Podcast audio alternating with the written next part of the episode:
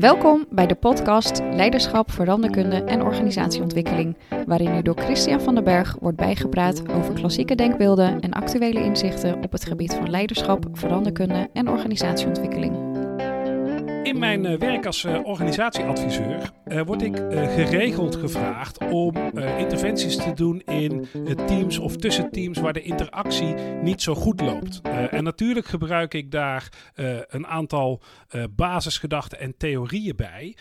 en vaak kom je er dan achter dat er echt wel genoeg is wat een goed team een goed team maakt. Um, maar wat je ook wel ziet, is dat je het dan vaak moet doen met het team wat er al staat. En kleine veranderingen kunnen wel, maar je doet het al met de mensen die je hebt. Um, ook komt dan wel eens de vraag van wat zou er nou gebeuren als je helemaal van nul in zo'n organisatie zou kunnen beginnen? Hoe zou je dat dan inrichten?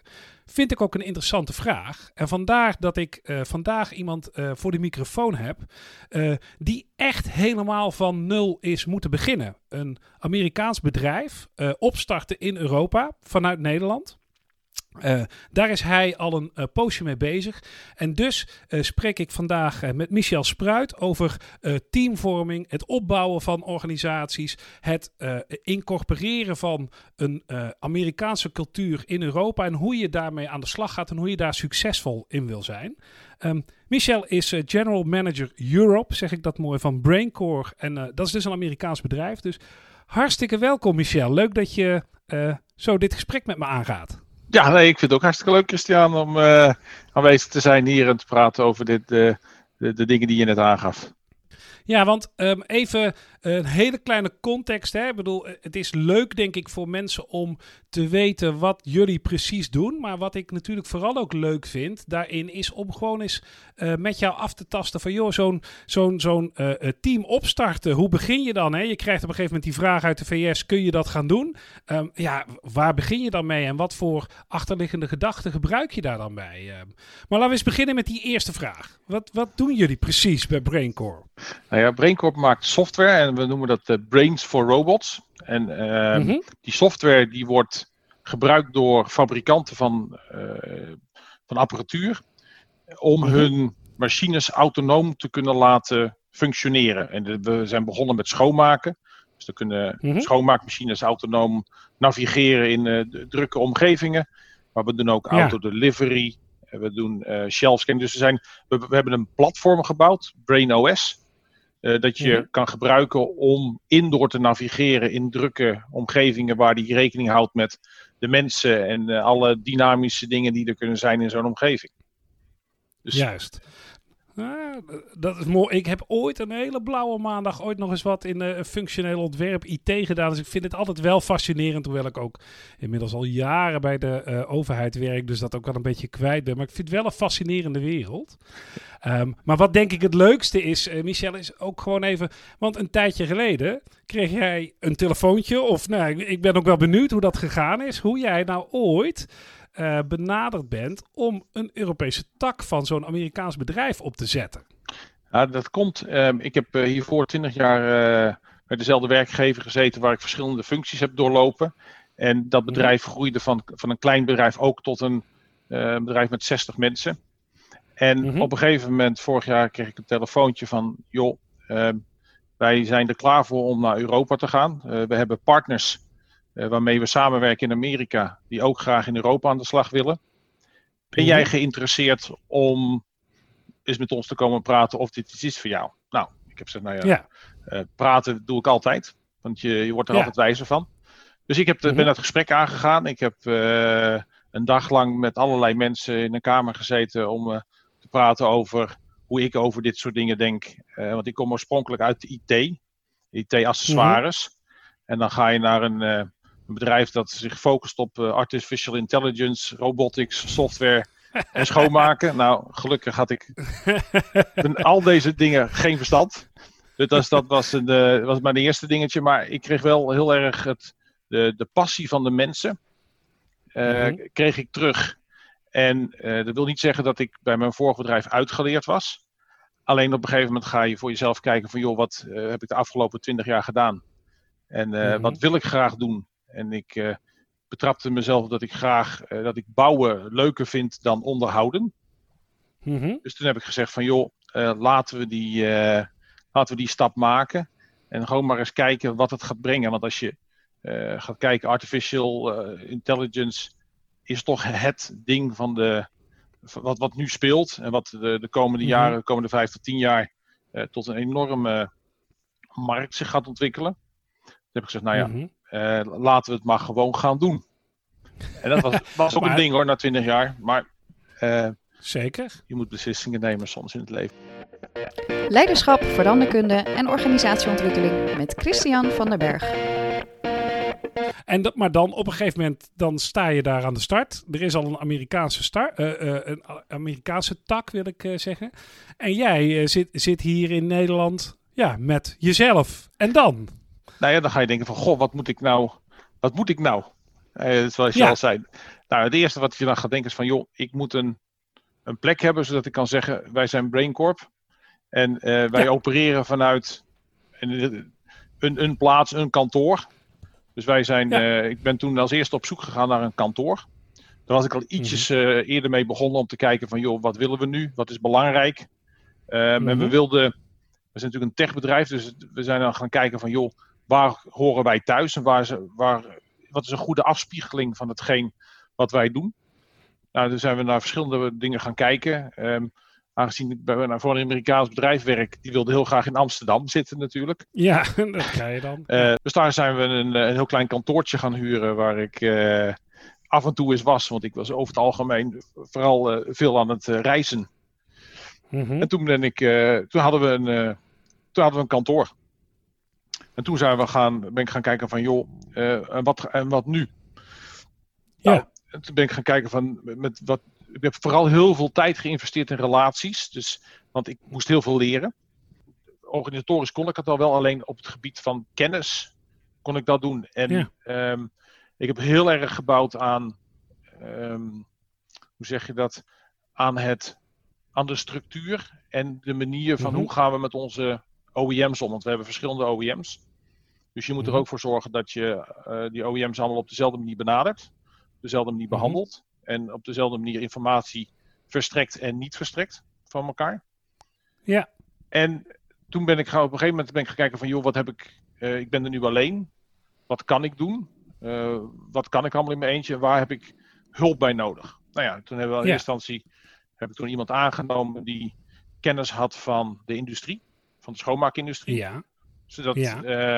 Zeg maar, we, we zijn kennis en kunde konden gebruiken om ehm, toegang te krijgen tot klanten, waar, die hij al kende. Mhm. Ja. Dat is het eerste wat, we, wat ik gedaan heb. Ehm, toen zijn we gaan kijken van ja, oké, we hebben robots. En die robots hebben wij ook op kantoor een aantal staan. Ehm, we moeten ervoor zorgen dat als er een klant een robot aanschaft, dat Ja. we hem kunnen helpen op het, eh, op het softwaregebied. Nou, toen hebben we een, eh, een software engineer aangenomen. Alleen ik heb wel gezocht, en dat is wel een van de dingen die ik heb geleerd over de tijd, is van je kan twee dingen doen. Je kan mensen aannemen op basis van, joh, dit is mijn budget, wat heb ik nodig, laat ik dat maar Mhm. aannemen. Of je kan zeggen van, joh, nee, ik ga wat breder kijken. En ik ga kijken Ja. naar, ik wil de beste mensen op dat gebied wil ik hebben. Ja. Ehm, dat is misschien soms wel wat duurder. Mhm. Alleen eh, met betrekking tot zelfstandigheid, ehm, ehm, kennis en kunde, scheelt het je ook zoveel tijd en energie om die mensen te begeleiden, dat het uiteindelijk denk eh, het meer oplevert dan het je kost om gewoon hoog in te zetten. En Ja. ik kan alleen maar zeggen dat het mij heel goed bevallen is. En Ja. ehm, ik denk ook dat als je gaat kijken naar ehm, heel veel bedrijven hebben de focus van joh, ik moet zoveel mogelijk mensen aannemen. En ik heb zoiets Mhm. van joh, ik wil eigenlijk zo min mogelijk aan mensen aannemen. Maar de mensen die ik aanneem zijn wel de beste in het gebied van wat ik wil hebben. En ik op die manier het opbouwen in plaats van zeg maar voor kwantiteit te gaan. Nou, wat mij wel opvalt, dat is eigenlijk, zijn eigenlijk twee dingen die ik, eh, eh, zeg maar, die echt bij mij blijven hangen als je dit verhaal eh, zo vertelt, Michel. Is de eerste was die struggle die jij vertelde over jouw eigen zoektocht naar, weet ik nou eigenlijk wel waar het over gaat, hè? Ehm, en dit is natuurlijk denk ik ook wel een vraag die uh, de laatste, nou misschien wel 30 jaar of uh, nou, rondom, rondom die koers speelt in management. Ja, hè, we zijn er echt inmiddels denk ik wel achter dat managen en leiden ook een vak op zichzelf is. Hè? Ja. Ik bedoel, het is de tijd dat het beste jongetje van de klas van een juridische afdeling opeens de teamleider werd of de beste zeg maar programmeur opeens de teamleider werd. Daarvan zien we denk ik inmiddels wel van ja, uh, je hebt wel iets meer nodig dan alleen maar het beste jongetje of meisje van de klas uh, zijn. Um, maar de andere kant, en ik denk dat we daar de afgelopen jaren ook wel veel over zien, van ja, uh, alleen maar managen is nou, dat, dat kan ook onvoldoende zijn. Hè? Als je heel erg veel management skills hebt, maar je beheerst het vak eigenlijk eh, de inhoud zelf niet goed genoeg. Ja, dan wordt het wel heel lastig. En dat hoor ik jou ook wel zeggen als een heel bewuste keuze. Van ja, ik ben mij wel echt gaan verdiepen in die inhoud. Um, en mijn vraag zit hem er ook in, is van joh. Uh, ben je het met mij eens dat het creëren van zo'n externe soort bijna uh, uh, ja, uh, een, een urgency punt of zo, om het in slecht Nederlands te zeggen, dat je ook echt wel iets moet, dat dat ook kan helpen om ja, mensen ook te dwingen genoeg van de inhoud te weten om goed te kunnen managen.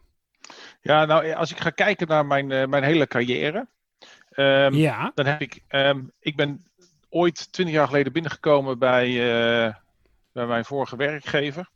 En ik heb binnen die organisatie alles gedaan. Ik heb mm -hmm. product management gedaan, ik heb eh, sales gedaan, ik heb customer service gedaan, tech, uh, technical support en uh, meestal als manager. Maar ik heb wel altijd ervoor gezorgd dat ik wist waar het over ging. Want ik, heb mm -hmm. wel, uh, ik moet wel op het moment dat mensen mij iets vragen, vind ik, ook kunnen zeggen van ja, ik snap wat je bedoelt. En ja. ik zou het zo doen ehm, op het moment dat je het mij ja. vraagt. En niet zeggen van ja, sorry, maar hier ben ik niet voor. Um, ik ben hier om te zeggen van wat je moet doen en jij moet maar uitzoeken wat je doet. En dat heb ik ja. altijd uh, gedaan. Ik heb ook, uh, het heeft mij 20 jaar gekost om zeg maar, van binnen te komen tot uh, de organisatie te leiden. Of tenminste 18 jaar. Mm -hmm. um, ja, ja, ja. En um, ik heb altijd ge geprobeerd om zoveel mogelijk zelf van de processen te weten. Zodat ik niet alleen tegen mensen moest kon zeggen van joh, dit moet je doen. Maar dat ik ook nog eens kan uitleggen waarom ze het moesten doen. En als ze dan een vraag hadden, dat ik ze misschien ook nog kon uitleggen hoe ze het daadwerkelijk in het systeem moesten doen. Wat ik zelf daar interessant aan vind, en dat vind ik, um, uh, ik zie jou daar ook uh, uh, zeg maar die worsteling ook wel maken als je dat zo beschrijft. Um, ik ben zelf ook gemeentesecretaris geweest. Hè, voor, dat voor jou, dat, dan ben je algemeen directeur van een, van, van een gemeente. Nou, die hebben natuurlijk heel veel producten van paspoorten tot bouwen, vergunningen, et cetera. Nou, WMO-voorzieningen, et cetera. Um, en dan heb je, dus je moet veel van de inhoud weten. Dat hoor ik jou nu ook zeggen. Maar als directeur moet je ook veel van HRM weten. Ook veel van je financiële proces weten. Ook hè, dus de, van je verantwoordingsproces, van je kwaliteitsproces.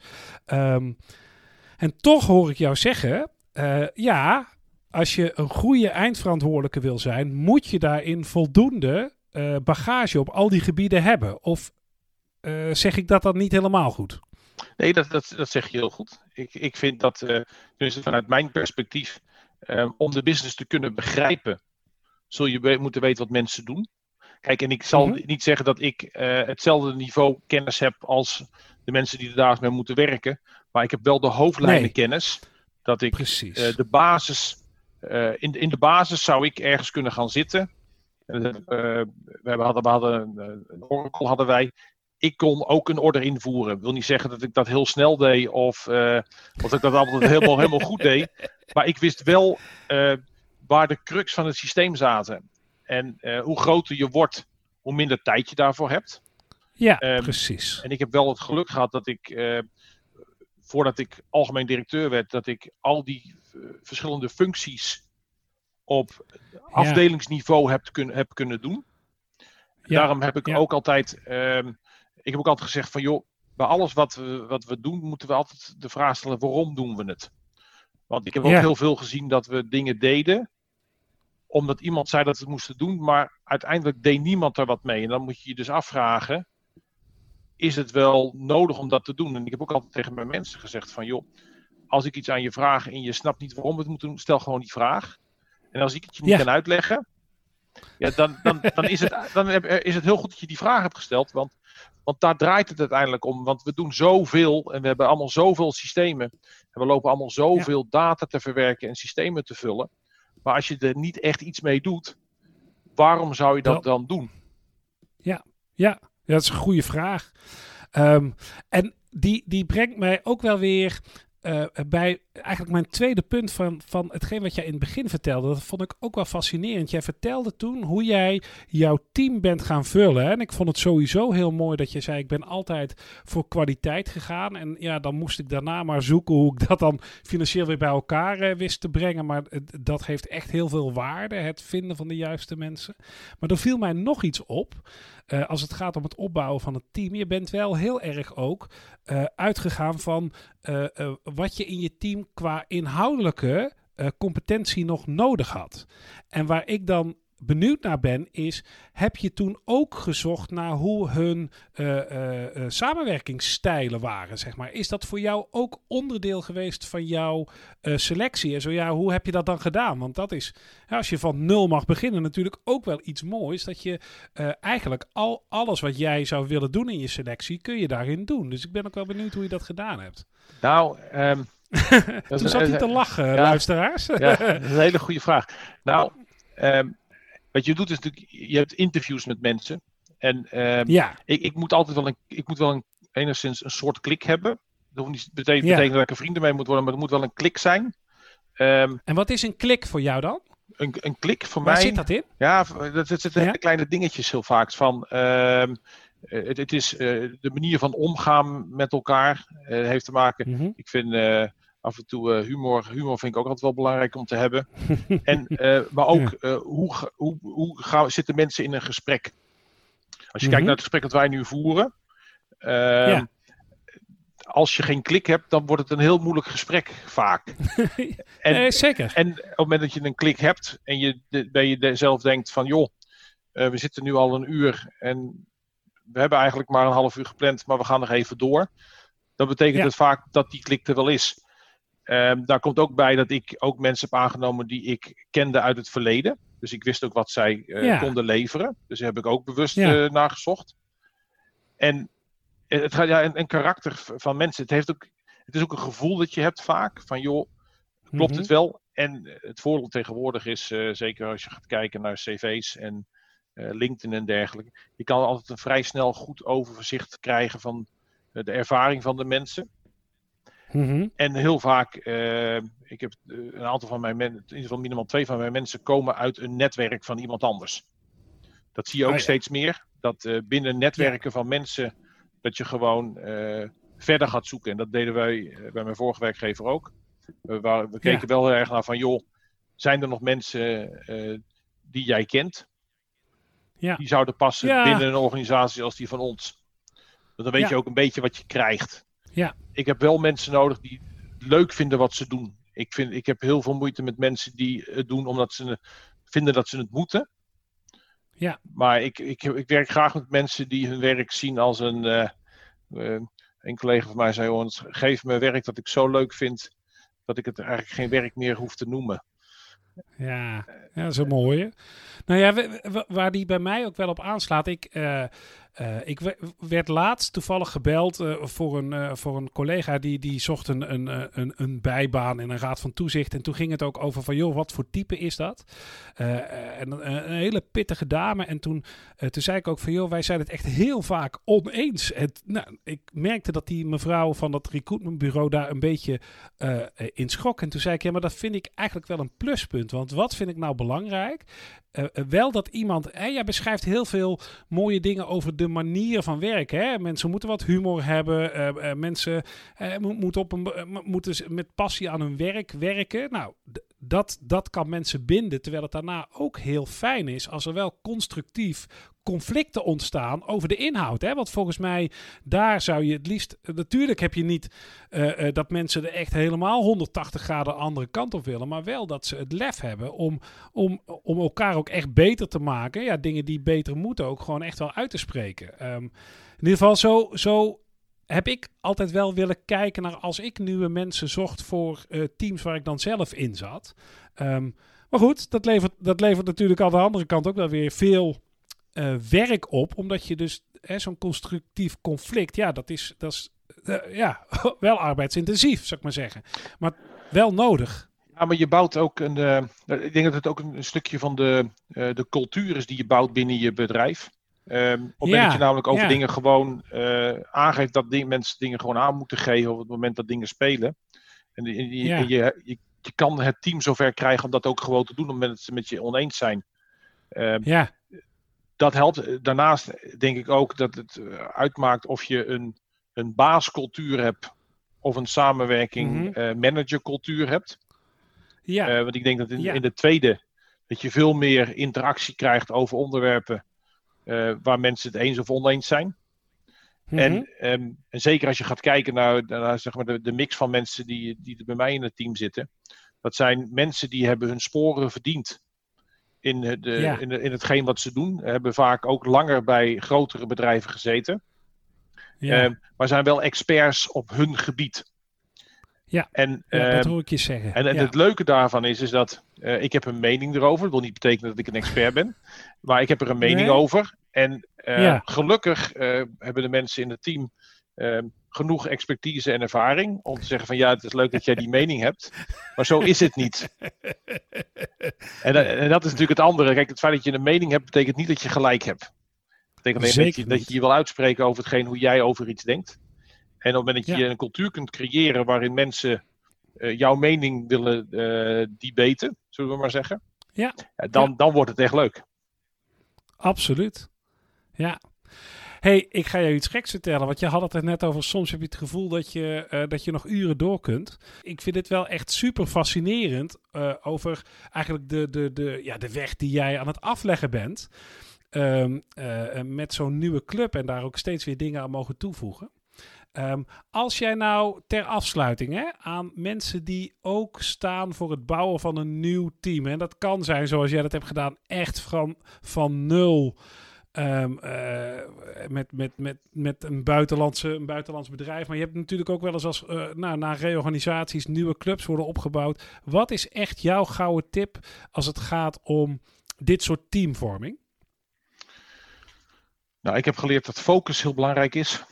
Ehm, Ja, men wil heel graag, in, zeker in het begin, eh, proberen ze zo breed mogelijk te duwen. Maar ik heb heel, vanaf Ja. het begin af aan gezegd van, joh, laat mij nou gewoon focussen op hetgeen wat we moeten doen. ja, In plaats van eh, heel breed te gaan. Dus ik heb ook heel bewust Mhm. een stappenplan gemaakt hoe ik me die focus moest neerleggen. ja, Dat is één. En, eh, en het tweede wat ik zeg, ik ga altijd voor kwaliteit van mensen. In plaats van Ja. voor budgetten. Ja. Korte termijn is dat misschien wat meer uitdagend, maar lange termijn heb je daar gewoon veel meer eh, return on investment op. Ja. Waardevol. Ja, en, en dan ga ik ook want anders, dit is echt gevaar, want dan ga ik zelf ook weer. Maar ik, ik, ben laatst ook, eh, eh, was ik bij, een, bij een, een directie en die bleef ook maar rommelen. En toen heb ik ook gezegd, wat, wat, wat is eigenlijk jullie doel als team? Hè? Eh, toen had ik zeven mensen aan tafel en die moesten het alle zeven opschrijven. Toen kwam ik op eigenlijk zes definities. Er waren er twee die kwamen wel aardig met elkaar overeens. Overeen. Ik zei, en nu denk ik waarom ik weet, nou, ik heb dat voorzichtig geformuleerd, maar ik denk van ja, nu weet ik wel waarom jullie het niet eens kunnen worden, want je hebt niet dezelfde focus. Dus ik vind dat heel mooi dat je dat ook benoemt. Ehm, van ja, je, je moet wel weten waar je naartoe gaat. En als je overal naartoe gaat, ga je nergens naartoe. hè. Om toch ook die open deur in te trappen. Wat leuk, wat leuk ook. Want eh, wij komen natuurlijk echt uit twee heel andere werelden. Jazeker. Ehm, eh, ehm, eh, en toch zie ik wel heel veel parallellen. Het is wel ontzettend leuk om dit zo eens een keer te doen, Michel. Dankjewel. Ja, ik vond het ook erg leuk. Ja, nee, zeker. En ehm, nou, eh, er komt een moment dat wij ook nog een keer eh, eh, fysiek een kop koffie kunnen drinken, denk ik. En dat doe ik dan eh, graag een keer met je. Dus eh, dank en tot eh, een volgende keer. Afgesproken. Tot de volgende keer. Yes. Dankjewel voor het luisteren. Vond je dit een aansprekende podcast? Abonneer je dan en deel het met anderen. Heb je tips of suggesties? Mail dan naar christianvdberg.gmail.com of kijk op zijn LinkedIn pagina. Graag tot de volgende keer.